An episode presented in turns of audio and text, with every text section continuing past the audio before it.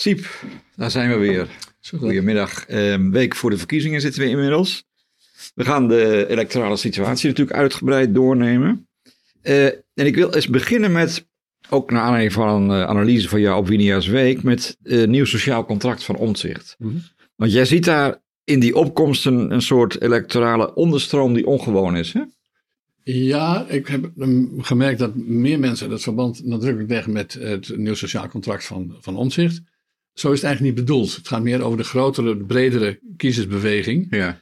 Uh, en ik acht de kans uh, vrij klein dat de, zeg maar, de, de, dominante linkse beleid van de afgelopen tien jaar, uh, dat in stand blijft. En dat heeft er ook alles mee te maken dat Mark Rutte weg is, of het punt staat weg, weg te gaan.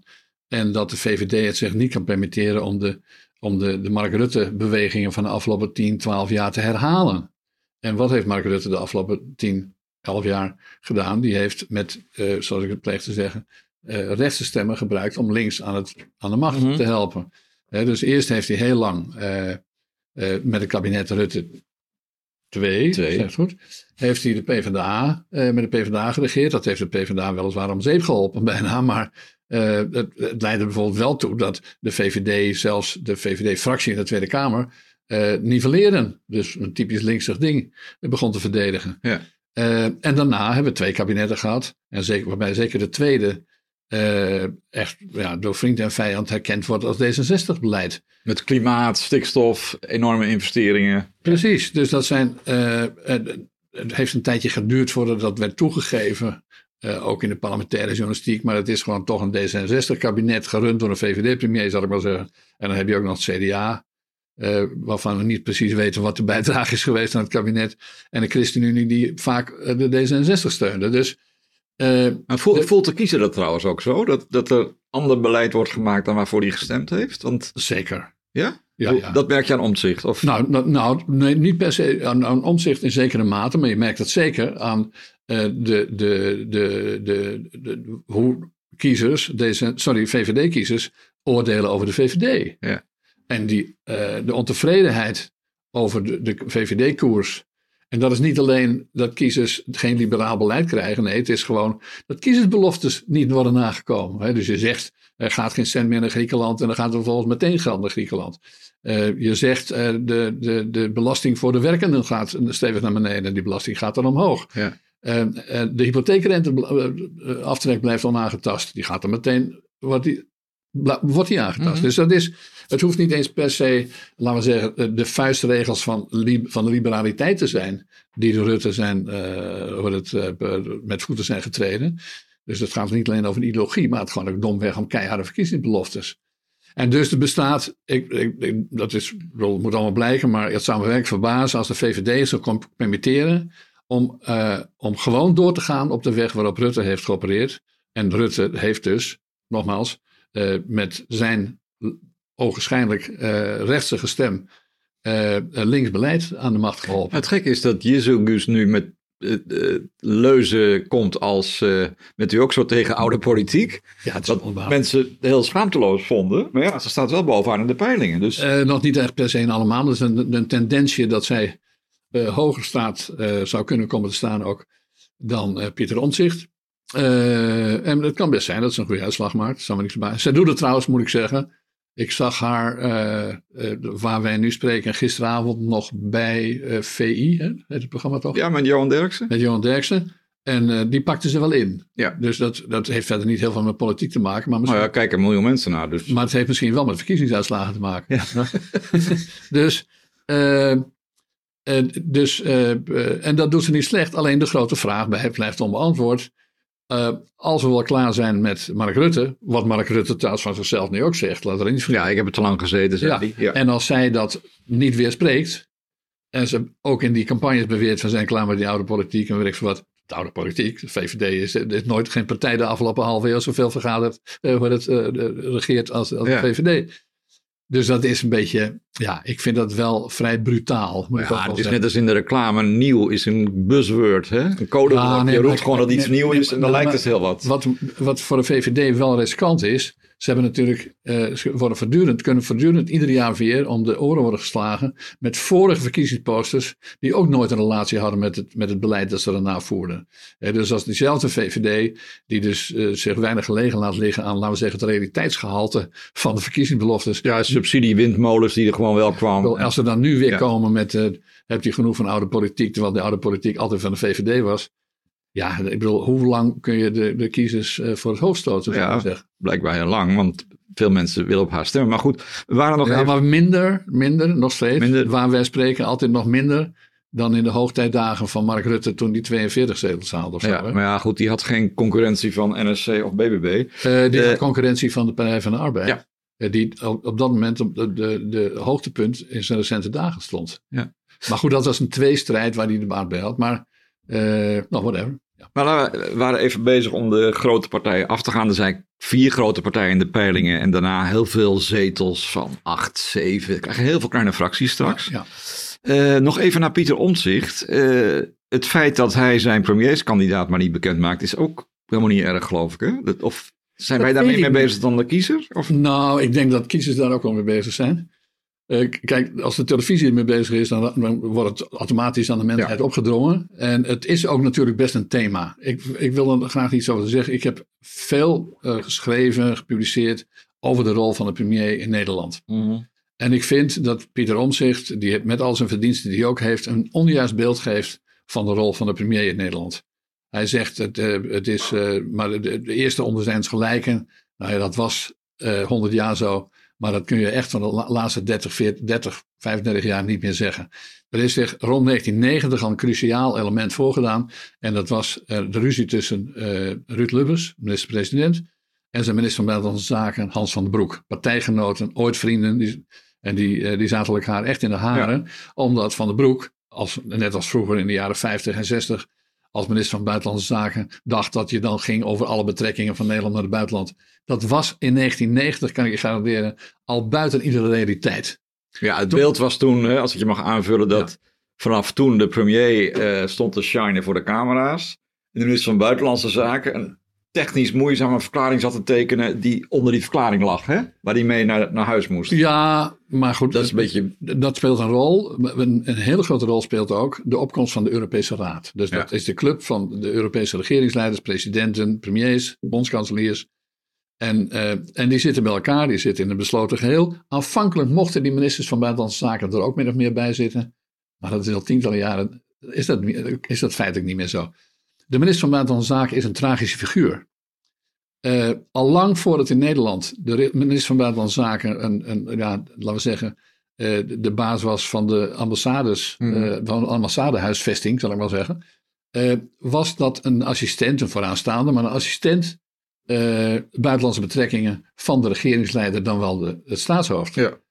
En in Nederland hebben we heel lang volgehouden dat, de, en zeker buitenlandse zaken poogden dat, uh, dat, dat de minister van Buitenlandse Zaken over het buitenland gaat, maar dat is al lang niet meer zo. Alle hoofdbetrekkingen, alle hoofdonderwerpen van buitenlands beleid worden bepaald als het om Europa gaat in de Europese Raad. Dat gaat heel ver, want in feite komt erop neer dat, als je, stuurt je minister-president erheen en je hebt geen idee met wat hij terugkomt. Om die eenvoudige reden dat de heren en dames dat onder elkaar willen uitmaken. Dus je kunt van tevoren een Tweede Kamervergadering houden, maar uh, in feite uh, ik bedoel, het is goed dat het gebeurt. Je weet welke boodschap de premier meekrijgt. Maar met welke boodschap hij terugkomt, daar weten we niks van. Maar, dus alleen al om die reden is, de, is de, de, de, de, rond 2000 is dat ook door in het kabinet Kok bevestigd. Ja. De regeringsleider in Nederland, ze zeggen in Europa heet dat de regeringsleider. In Nederland is dat de premier. Ja. Dat was het einde van de Nederlandse premier als uh, eerst onder zijn gelijken. Dan, toen was hij een soort, nou, bij, om te beginnen regeringsleider geworden. En zelfs in sommige momenten een beetje staatshoofd. Staatshoofd. Nou, maar, maar, je vertelt dit allemaal vanwege onzicht. Die eigenlijk zegt het primaat ligt bij de Tweede Kamer. Daar gaat hij ook het liefst zitten. Want hij heeft ja. vier kinderen, woont in Enschede. Ik denk dat dat wordt niks als ik elke dag moet reizen. Ja. Uh, maar dat vind je dus niet terecht dat het primaat daar ligt. Jawel, maar dat zijn twee verschillende zaken. Oké. Okay. Uh, ik, ik vind dat hij groot gelijk heeft als hij zegt dat, uh, dat de Tweede Kamer, hij noemt dat wat anders, maar ik vind dat het daar eigenlijk op neerkomt.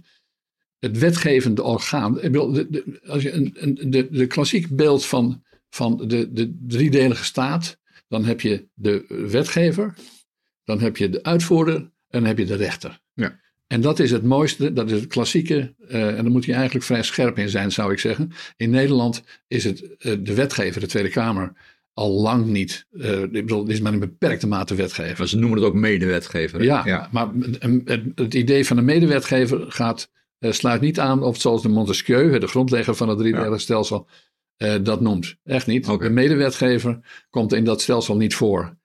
In feite is de Tweede Kamer, zou gewoon, in ieder geval in, in, in theoretische zin, volledig de wetgever dienen te zijn. En dat in de praktijk is de Tweede Kamer dat maar misschien om 1% van de wetgeving of zo. Ik heb dat niet getest, maar in die orde kun je het ook wel taxeren. Bovendien, heel veel uitvoerings, uitvoeringswetgeving wordt in, in onze wetten toegekend aan de regering. Dus allerlei ministeriële besluiten. Het is ongelooflijk hoeveel, Algemene maatregelen van bestuur, Precies. boetebesluiten. Ja. ongelooflijk hoeveel macht we geven Ja. aan, aan het kabinet. Dus als hij zegt, we moeten dat terugdraaien.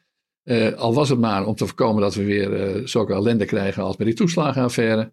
Eh, ik vind dat hij daar heel veel gelijk heeft. Maar waar hij ongelijk heeft, is bij het beeld wat hij schetst over de rol van de minister-president in de regering. En die rol die is zowel in de praktijk, als dus in de Nederlandse praktijk, als in het inter- internationale praktijk veel groter dan wat, eh, wat door onzicht wordt gesuggereerd. Ja. En zou jij het eh, kiezersbedrog vinden als hij een dag na de verkiezingen, eh, als hij de buit binnen heeft, pas met een kandidaat komt? Of? Nou, het is in zoverre geen verkiezingsbedrog, dat als hij tot aan de verkiezing heeft gezegd, je krijgt het lekker niet te horen, is dat eerlijk. Nee, oké. Maar ik vind het tegelijkertijd raar. Ja. Dus ik zou hem aanraden om, waar wij spreken, alsnog te zeggen, ik ga het wel doen. En dan gewoon de naam noemen. Nou, zichzelf desnoods. Ja, want eigenlijk moet hij dat natuurlijk doen. Laat het wel zijn. eh eh, Omzicht heeft allemaal prachtige ideeën die allemaal geen, die voor het algemeen geen onzin zijn. Over de verbetering en de transparantie van de Nederlandse politiek. Eh, De, de, de, de, de, lobbycratie moet eh, heet dat, weggemaaid worden. Allemaal heel goed. Maar eh, als je bij verkiezingen kiest voor iemand, dat zou hij dus kunnen zijn. Dan is dat, naar mijn idee, moet dat in een democratie zoals het bedoeld is, eh, de kandidaat regeringsleider zijn. Dat is in alle landen ter wereld bij- bijna zo. Ja, maar ook als je, eh, dat ben ik serieus, eh, bang bent voor een nieuwe burn-out. Want dat, dat, daar gaat het natuurlijk om. Dat hij denkt dat hij het niet aan kan. En dat, dat is toch ook een valide overweging?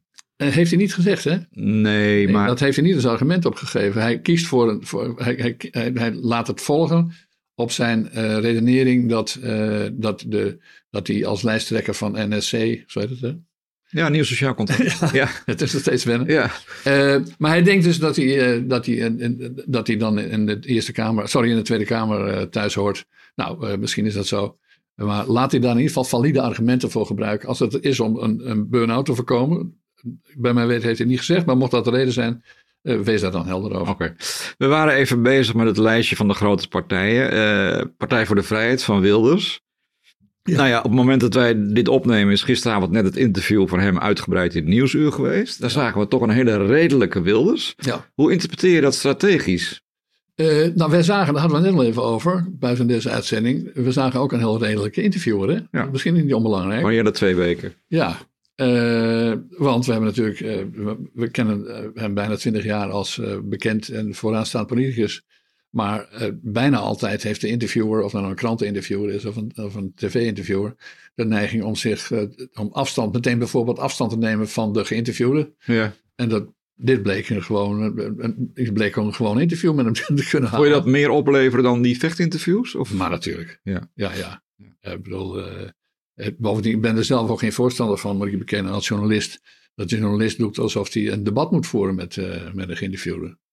Nou ja, journalisten denken natuurlijk vaak, ja, iemand die knabbelt aan de wortels van de rechtsstaat, zoals hij dus doet, vrijheid van godsdienst, ja. dat moeten wij tegenspreken. Of ja, maar, nou- dat, maar vergeet niet, dat is ook, dat is ook een, een regel die voortdurend wordt herhaald.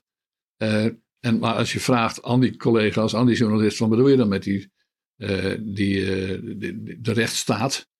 Laten we niet vergeten, we laten, we laten ons ook vaak allerlei eh, credo's aanpraten. Mhm. Zoals de rechtsstaat staat onder druk. Ja. We hebben net weer gehad, de, de, de orde van advocaten, die komt met, met eh, had een oude advocaat van, eh, van stal en die gaat dan opzommen, die partij is tegen de rechtsstaat. En wat blijkt dan tegen de rechtsstaat te zijn? Die blijkt dan minder macht naar Europa. Ja, kijk. Ja. Als je, dus als een partij, als een politicus iets wil doen aan wetten of verdragen, dan is dat niet tegen de rechtsstaat. Als je iets tegen, tegen wetten en verdragen wil doen, dan is dat politiek. Ja. En je kunt moeilijk nooit meer iets aan wetten of verdragen doen, omdat dat dan tegen de rechtsstaat zou zijn.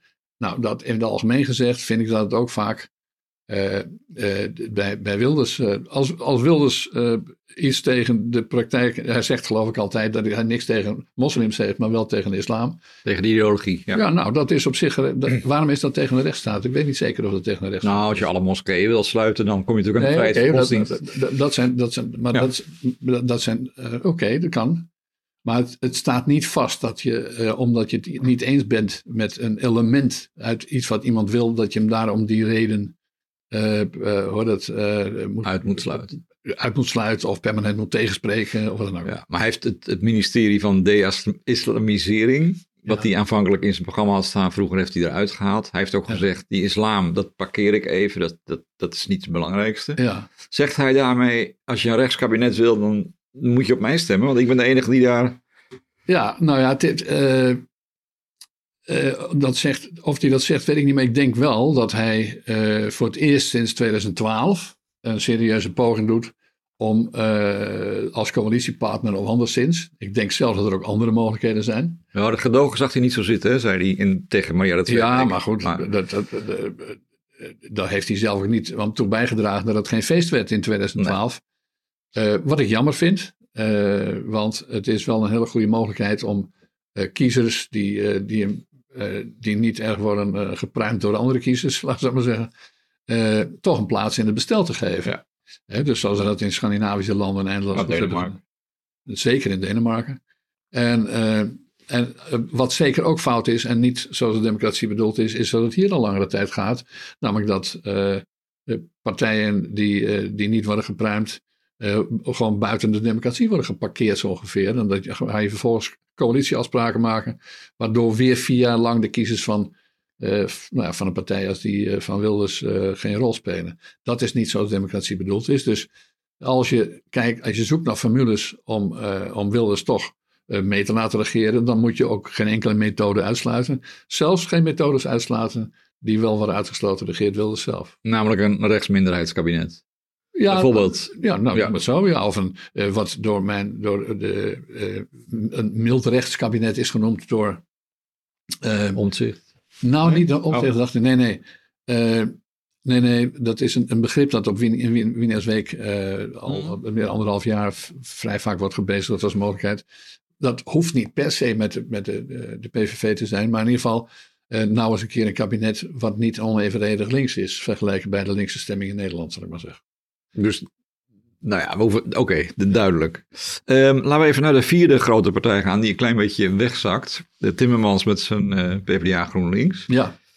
Uh, komt dat omdat het linkse potentieel in Nederland toch ietsje kleiner is geworden dan op rechts? Want hij, zijn vijver is gewoon kleiner, hè, waar hij uitvist. Ja, dat wordt te weinig beseft. Dat, is, dat, dat kan niet vaak genoeg herhaald worden. Uh, dat de helft van Nederland vindt zichzelf rechts. En slechts een derde van Nederland vindt zichzelf links. Ja, en de rest midden of... Is, de rest is dan midden, ja. En dat is echt al decennia zo, zeker al een jaar of twintig. Uh, uh, maar dat wordt denk ik niet altijd door tot het Binnenhof en, uh, en het, de, de Joop van de Endelaan in, in Hilversum, zou ik maar zeggen. dat is een, Herkend, ja. dus dat... en mede daardoor kan het maar doorgaan dat wij... dat we dus bijvoorbeeld een door D66 gedicteerd kabinet hebben, terwijl D66 ook de afgelopen jaren slechts 61 of zoiets uh, van, de, van de stemmen had. Uh, sorry, dan mis ik vraag, maar ik ga helemaal op in het thema. Nou ja, oh ja, dat Nederland eigenlijk al heel lang rechts is en dat dat niet in de, in de, in de formatie met name tot uiting komt. Exact, exact. Nou, en de kans dat dat dus nu, nu uh, anders gaat worden, uh, die is groter dan in menig jaar. dus in de, de, de, nogmaals, in de Rutte-jaren is dat elf jaar anders geweest. en het heeft er nu alle er zijn op zijn minst twee redenen waarom je kunt aannemen dat dat nu wel eens anders zou kunnen gaan. Reden één is dat links nog kleiner wordt. Dus kijk, kijk tel al die linkse zetels op. Uh, want de, kijk, Frans Timmermans kan dan wel als de heiland uit Brussel komen. Maar je ziet niet dat het land daar in de peilingen meteen uh, het juichend mee wegloopt. Verrast jou dat trouwens, even tussendoor? Want uh, hij is toch iemand met internationale statuur? Roept ook Ja. af en toe tijdens het debat, ik moet nu naar Berlijn, naar Scholz of naar Malaga. Maar dat, dat Maar ik weet niet wat er bij die PvdA GroenLinks of GroenLinks PvdA aan de hand is. Maar daar gaan ze nogal in op. Zij denken dus dat. Het is een beetje als met Sigrid Kaag. Die kwam ook uit, uit, uit de VN vandaan. En die landde zichzelf in Nederland. En die zou het land redden. Dat heeft eventjes gewerkt. Eh, maar met Frans Timmermans heeft het misschien enkele weken gewerkt. Maar toen was het weer voorbij. Eh, kijk, wat ik wel eens denk. eh, en wat denk ik ook wel een redelijk feit is. Is dat de, de, de mensen die, eh, de, die, die gebruik maken van de televisie om de mensen toe te spreken, eh, weinig idee hebben van hoe eh, media-wise de kijkers zijn. Dus de, on- de kijker, dus de, de, de, de televisiekijker en de burger wordt onderschat. ja. En mensen kijken er dwars doorheen. Waardoorheen in zijn geval? Nou, in de- dat, dat, hij, dat hij zo groot is met de grote der aarde, dat hij even naar Berlijn gaat eh, en, met een bondskanselier te spreken om de belangrijke zaken door te nemen. Die, die kijkers, die weten dat maakt ook geen indruk of zo, toch? Het maakt totaal geen indruk. Ze weten gewoon, dat is doorgestoken kaart. Hij moest dan nodig even een fotootje maken met de bondskanselier. Je kon ook zien, dat enige fotootje wat we van hun gezien hebben, dat het in een hoekje van een vrij nederig kantoor was. Dat was dan ook niet op de bondskans. Dat was het SPD-kantoor Het was een SPD-kantoortje. Dat kan Ja. ieder kantoor om de hoek zijn. Dus eh het hetzelfde ging trouwens met Dylan Jezegus. Die is de minister van, van, van Justitie, Justitie en Veiligheid in Nederland. Nou, dat is niet onbelangrijk, maar natuurlijk voor de Franse president geen partij. Dus het is Ja, voorkomen. want die heeft handjes geschud met Macron, hè? Ja, ook totaal onzinnig natuurlijk. Nou ja, zij was nogal trots erop. Ja, wel, maar goed, het- het- iedereen ziet en weet dat het is in scène gezet. Dus het volk is niet zo stom als politici denken. En zeker niet, de televisiekijker is niet zo stom als campagnevoerders denken. Maar kijk, eh, wij kennen Timmermans ook als iemand die behoorlijk fel uit de hoek kan komen. Hè? Behoorlijk stevig, ook voor gewone mensen kan Ja. opkomen. Maar hij gedraagt zich nu als een staatsman. En bij, Ja. bij Samson heeft dat dus wel gewerkt in 2012. Want die begon ineens het eerlijke verhaal, ging een stropdas aandoen, redelijk. En Ja. Hoe kan dat nou dat het nou niet werkt? Nou, kijk, eh, hij, Samson was een nieuw kid aan de blok. Ja. En niemand kende hem bijna. Dus hij was net gekozen als leider van de. de Greenpeace-actievoerder. eh, Ja, maar Hij, hij- hij was een, een, betrekkelijk onbekende figuur. En dat doet het vaak goed. Ja. Wouter Bos heeft er ook bijvoorbeeld in 2003 grote baat bij gehad dat hij nog maar net een paar weken leider van de PvdA was. En eh, dat mensen dat wel leuk vonden, zo'n jong ventje die probeerde premier, premier te worden. Of het wil overlaten aan een ander ook nog. Maar goed, eh, dus ehm, je kunt van, van, van, eh, van Timmermans niet zeggen dat hij een nieuw kid aan de blok is. Hij komt, weer, hij komt terug uit de doos nadat hij tien jaar in, in, in dus Brussel. die Brusselse doos heeft gezeten. Maar we kennen hem daarvoor ook al. En je zegt, hij doet, komt met stevige statements. Maar hij komt wel met vrij onbetrouwbare statements. Dat is eerder gebeurd. Eh, eh, misschien eh, komt dat omdat hij lang een collega is geweest van Mark Rutte, zou je haast kunnen zeggen. Maar in ieder geval, hij, hij is bijna net zo losjes in zijn, zijn statements als Mark Rutte. In die zin dat hij grote beweringen doet die niet altijd... Een Ja, hij zei dat er twee jaar lang nul klimaatbeleid is gevoerd. Ja, terwijl- ja, dat is toch echt... Nou ja, ik, kijk, het klimaatbeleid is veel op aan te merken. Maar als hij nou zegt van je hebt, je hebt een ineffectief klimaatbeleid gevoerd, dan zou dat kunnen. Dat zegt hij niet, want ze hebben ongeveer zijn klimaatbeleid uitgevoerd. Hij was van de Green Deal in Europa. Ja, Zeker, dus veel, veel van wat hij... Nou ja, en bovendien, laten we niet vergeten, hij is nog steeds niet aangesproken op het feit dat hij in Nederland de biomassa, dus de houtstooksubsidies en zo wil afschaffen. Terwijl hij een paar maanden geleden als Europees commissaris daar nog voorstander van was. Ja, ja, ja. Weet, dus ook hier wordt de kiezer onderschat. De kiezer is geëmancipeerd, is niet, is niet meer de volgzame kiezer van tot 30, 40 jaar geleden. De kiezer die is eh, eh, of vrij goed op de hoogte, of kijken er was doorheen. Nou ja, en er komt nog bij dat, ja, we kunnen het woord bijna niet meer horen, bestaanszekerheid. Dat thema is hem natuurlijk ook een beetje uit handen geslagen. Ik bedoel, Ja, ja, want iedereen wil bijna het minimumloon omhoog en armoede bestrijden. Dat is natuurlijk core business Ja. van links, maar nee, maar kijk, ik, ik sluit niet uit dat hij. Eh, dat als hij zich nou heel respectabel, staatsman-like opgesteld zou hebben, een beetje Wim Kok-achtig, ja. eh, dat hij dan een asset had gehad. Ja? Eh, van wij, maar als je het tegenstrijdige uitspraken doet, niet helemaal waarheidsgetrouwe uitspraken, ja, dan ben je, heb je dus niet de meerwaarde van de staatsman uit Brussel die hier even komt neerdalen om het land over te nemen. En waar we het net over hadden, iemand op links kan wel groot worden, maar alleen ten koste van andere linkse partijen. Nooit uit het andere blok. Nee, die de overstap wordt zelden gemaakt. de enige uitzondering zou een, een beetje kunnen zijn nu uh, Pieter Omtzigt, die, die ook ja. kiezen dat andere. Alleen dan is dat een, voor linkse begrippen is dat een rechtsige man die linkse stemmen weghaalt. Dus links wordt alleen maar kleiner door de ontwikkelingen. Je kunt dat gewoon zien door de jaren heen. Linkse partijen, waar je vaak uh, D66 te moet rekenen, die opgeteld komen die maar ja, tot 40 zetels of zo. Dus dat is niet eens de helft, zoals het vaak in het beeld van de mensen zit. Nee, dat zit eerder in de buurt van het derde of lager. En dus, de, nogmaals, die vijver, waar op basis waarvan hij dan premier zou moeten worden, Frans Timmermans, is gewoon te klein. Eén. Twee, hij kan, uh, hij, hij, hij, moet dan wel uh, een coalitie weten te maken, mocht dat zo zijn. Want hij wordt vast niet meer groot, maar mocht dat zo zijn, dan moet hij een coalitie weten te maken met partijen die eigenlijk wel klaar zijn met het faciliteren van linksbeleid.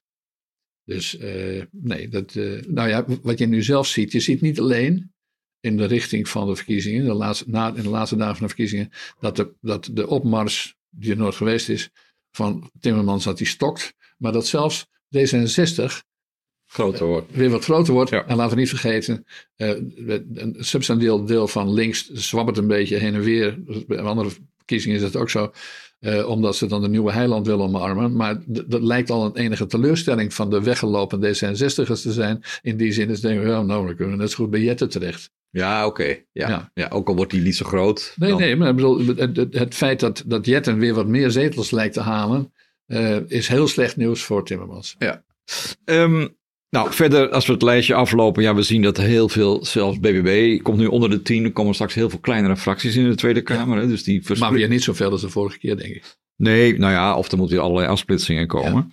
Ja. Um, maar nog even terug naar jouw beginverhaal. Uh, je zegt eigenlijk, mede door omzicht kan de wil van het volk nu eindelijk eens electoraal verzilverd worden. Is dat wat je eigenlijk probeerde? Uh, ja. Of meer dan vroeger? Ja, maar ik heb, zoals ik ook al zei, ook het pure feit dat Mark Rutte, de rechtse, de rechtse man die links aan de macht liet, uh, van het toneel is, uh, kan het zijn dat er meer, dat er meer een evenredig beeld van de volksvertegenwoordiging ontstaat dan de afgelopen 10, 11 jaar het geval was.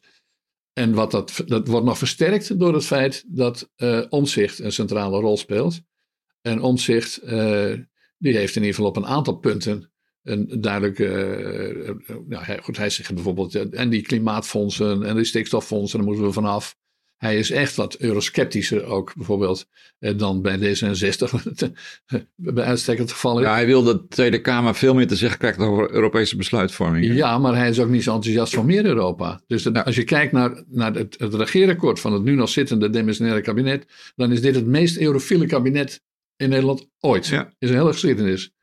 En uh, uh, dat is er niet helemaal van gekomen, want voor die tijd vielen ze, zou, zou ik kunnen zeggen, Terwijl binnen het CDA, waar Omtzigt natuurlijk eerst in zat, was hij juist een van de meer eurosceptische Kamerleden. Dus er is een optelsom van ontwikkelingen, uh, die ook wel degelijk gedragen wordt door het feit dat het volk van Nederland zo links, zo links niet is als de regering.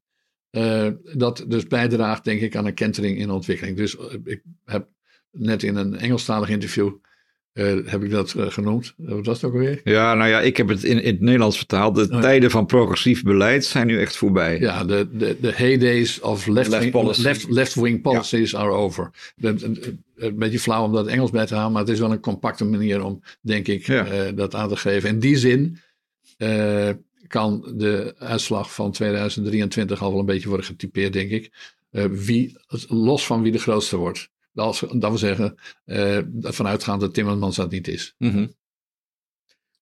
Dus je zegt tot nu toe, omdat we een rechtspremier hadden die alleen vlak voor de verkiezingen rechts was en daarna links, mm -hmm. en dat voorbij is. Ja. En als je Zilgus doet wat ze zegt, dan is het definitief voorbij met linksbeleid ge gemaakt door rechtse politici. Ja, uh, en, en, en de omzichtfactor is natuurlijk wel erg van belang, omdat de kans dat je kunt regeren zonder omzicht ja. is bijna nul. Ja. Uh, de kans dat je niet kunt regeren zonder, wild, uh, zonder wilde is ook vrij groot. Ja, dus uh, de kans dat, laten we zeggen, de meer rechtse policies boven komen drijven na de verkiezingen, zonder te weten wie dan de premier is, is gewoon groter dan het in vele jaren het geval hebben we, hebben we ooit een rechtskabinet gehad in Nederland? Volgens mij nog nooit. En ook daar uh, telt in de definitie natuurlijk. Als je kijkt naar, als je de VVD een rechtse partij noemt, wat soms ook wat twijfelachtig is. Maar zelfs dan, als dan de premier links beleid, ja. Ja, dan is dat ook Snap je? Dus het, is, ja. uh, het kabinet de Jong, dat vind ik een mooi voorbeeld. een enkeling kan zich... Uh, 67, 71 uit mijn hoofd. Ja, zoiets hè. Ja. ja. dat werd in die tijd zelf als een rechtskabinet beschouwd. Ja. En waarom? Omdat het was een linkse tijd. In ieder geval, alle links hadden een grote, Provo, studenten, grote ja. mond en zo. Uh, of het land weg zo links was, valt zeer te betwijfelen. En uh, die verweten uh, Pieter Jong dat hij op het land paste. En dat was, dat zou je kunnen zeggen, dat zou een compliment kunnen zijn. ja. Maar dat werd toch niet zo gevonden. en, maar als je nou kijkt, achteraf bekeken, wat Pieter Jong aan linksbeleid was, dat is ongelooflijk. Dus het zou, in die zin is Mark Rutte niet nieuw. Nee, nee. Uh, dat, het zegt niet altijd iets dat er een rechtskabinet zit. Het wat, wat, wat rechts heet te zijn, kan ja. gewoon hele linkse policies. Dus daar ging de, de ontwikkelingshulp ging omhoog. Uh, de inspraak van de studenten op de universiteit is nooit zo groot geweest als toen. Het ging maar door. Dus, maar zijn die termen überhaupt nog te hanteren? Want als je kijkt naar Omtzigt en Wilders, die zijn toch ook ja, qua sociaal beleid wat je vroeger links noemde, toch? Zeker. Bescherming van de zwakkeren, ja. ouderen, et cetera. Dat leidt ook tot veel spraakverwarring natuurlijk. Ja. Omdat het een over links heeft en de ander over rechts. Nou ja, kijk, eh, er ontstaat wel, eh, daarom vind ik het zo interessant, wat mensen er zelf van zeggen. Ja, dus het, het, over het zelfbeeld van de Nederlanders, dat kun je op, objectief vaststellen. Dat dat, uh, dat, dat al, al decennia overwegend naar de rechts tendeert. In ieder geval, in relatieve zin. Maar wat daarbij zeker een rol speelt, is dat uh, tot in de jaren tachtig en daarna ook nog wel, uh, de, de, traditionele sociaal-economisch. Dus wie wil hoge uitkeringen, wie wil lage belastingen. Ja. Maar er zijn, is een heel belangrijk ander thema bijgekomen, dat heet immigratie of migratie. Ja. En alle daaraan verwante thema's. Dus, uh, dus als je voor de, aardig wilt zijn voor de islam, om het iets te noemen, eh, dan heet dat links te zijn. En als je dan uh, vindt dat de islam zelf niet aardig is, dan heet dat rechts te zijn.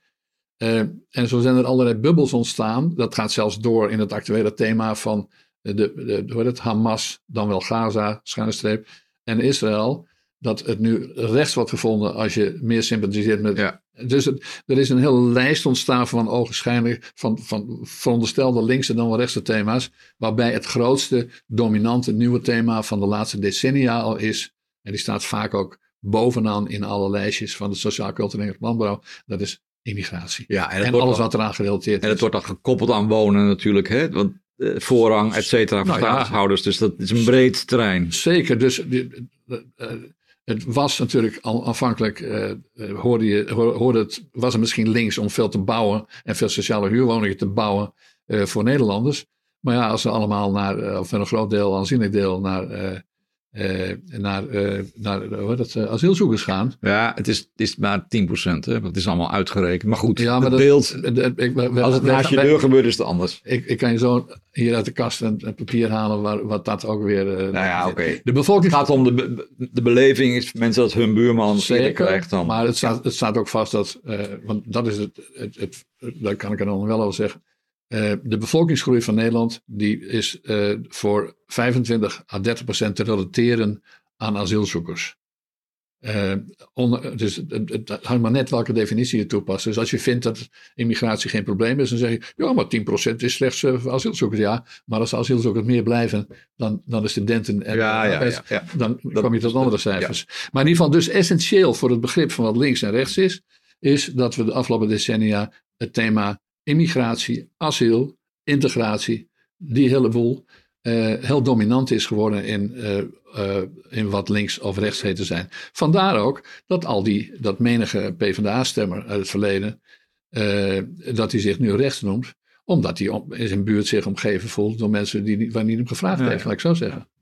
Ja, um, hebben wij nog tijd voor wat eh, kijkersvragen? Want jij vraagt altijd via X of het vroegere Twitter van eh, mensen, wat zouden jullie interessant vinden? Ja. Is daar nog iets binnengekomen? Uh, zeker is er binnengekomen. Ik zal er, zal ik een paar uitvissen. Ja. Uh, Camille Koenen die begint over de opmerkelijke koerswijziging van Wilders. Daar hebben we het een beetje over gehad, maar de reden hebben we misschien niet over gehad. Ik denk eerlijk gezegd dat het Wilders misschien nog niet eens het meest gaat om het mederegeren, als wel het de behoefte dat bij zijn kiezers bestaat. Dat hij mee zou regeren. Dus het kan tactisch zijn, dat weten we niet. Dan noemt hij, uh, Camille noemt ook de uitingen van Adema, de minister van de ChristenUnie, landbouwminister, over stikstof. Mogen zeker niet onbesproken blijven. Gaan we nu bespreken, kort. en die minister heeft dus gezegd, in feite gezegd, houtjes gemaakt van het stikstofbeleid van de Ja, die modellen zijn onzinnig, heeft hij gezegd. Ja, wat allemaal feitelijk waar is. We hebben hier dit prachtig in de kast staan, waar, wat denk ik ook een belangrijke rol heeft gespeeld. Uh, de, die, die Arnold Jaspers, hè? Ja. Arnold Jaspers, ja. Arnold Jaspers die levert gewoon een munitie aan, hè, die nu door uh, de voorzet aan, die nu Adema wordt ingekopt. Het is natuurlijk buitengewoon interessant dat deze ChristenUnie-minister uh, dat nu even nog zegt. En dan zou je kunnen zeggen, ja, waarom houden ze er dan niet uh, mee op? Uh, nou, dat is interessant, komen we zo meteen nog op. Nou ja, hij is al demissionair, hè? Ik bedoel... Jawel, maar dat, uh, iemand, die stuurt ook een brief, zal ik ook even voorlezen, althans een zinnetje eruit. meneer Hanen, die zegt, Zeker, die, die vraagt zich af waarom de VVD niet dat soort type uitspraken doet. De VVD kan toch ook zeggen, dat, dat stikstofbeleid, dat willen we niet, daar moeten we gewoon andere mm. dingen mee doen. En die verbaast zich dus over dat de VVD dat niet doet.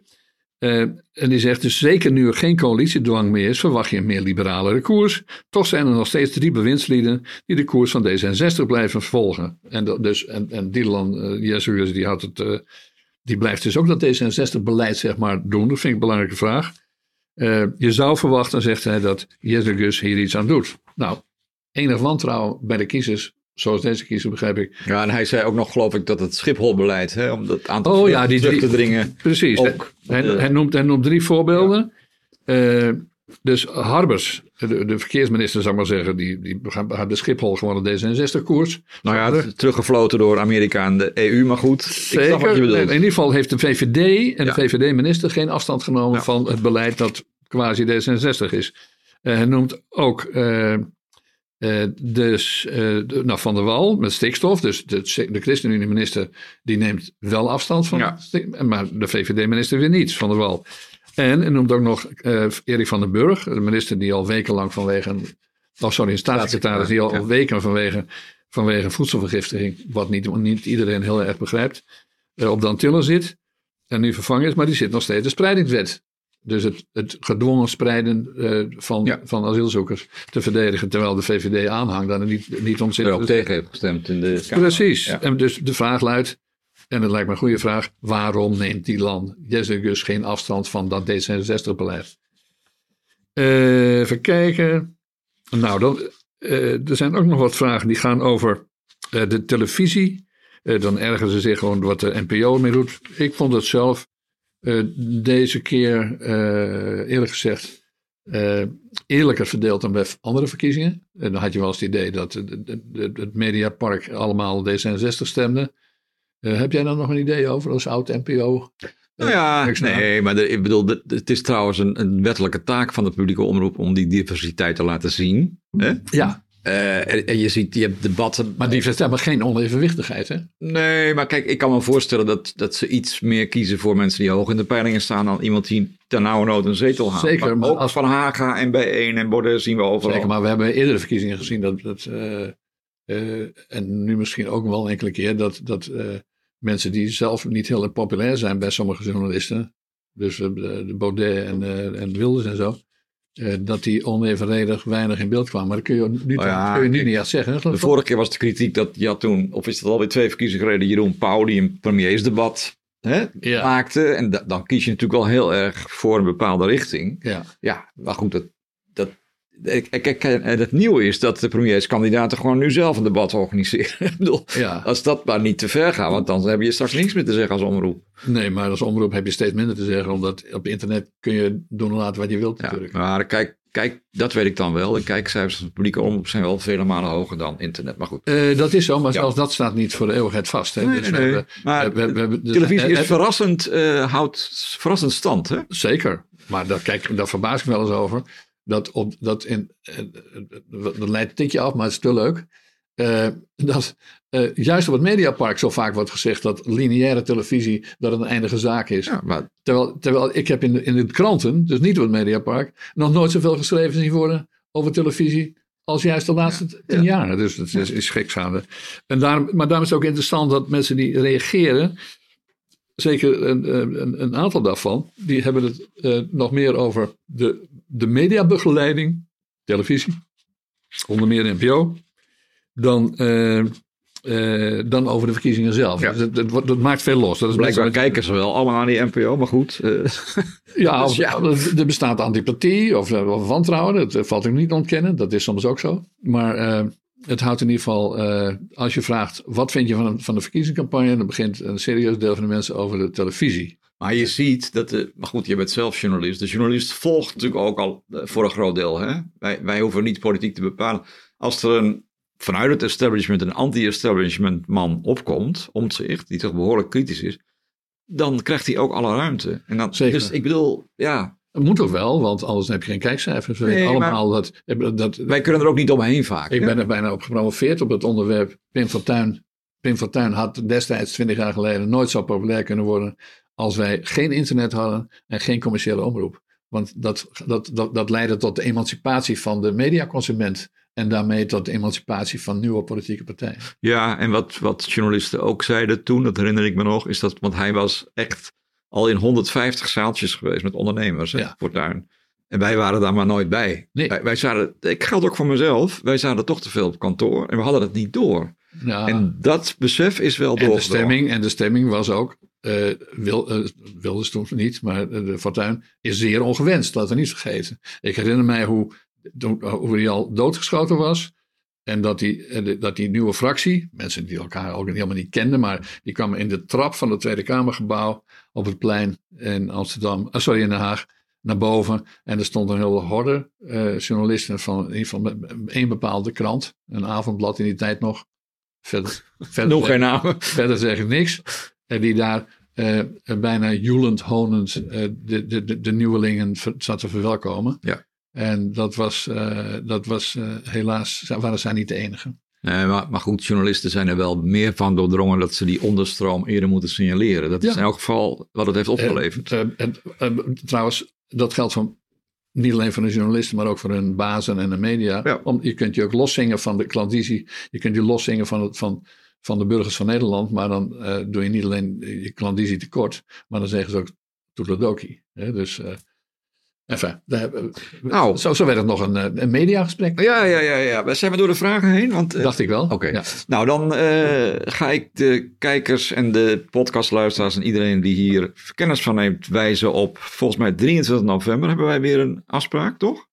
Zo is dat. Na de En verkiezingen. dat staat op vrijdag 24 eh, eh, november om eh, in de loop van de middag online. Ja, oké. Ik, ik hoop dat ik dan een beetje fris ben, want ik zit tot een uur of drie s'nachts stemmen te tellen. Dus ja, Ja. ik, eh, Daar gaan we het ook over hebben dan. ja Dan zeker. heb je, eh, heet het, eh, veel dichter bij het, bij het democratisch proces kun je niet zitten, lijkt mij. Nou, ik kan je vertellen dat de arbeidsomstandigheden niet heel optimaal zijn. Oké, Maar goed. Eh, neem allemaal mee. oké, gaan we doen. Tot dan. Ja, Zeker. oké.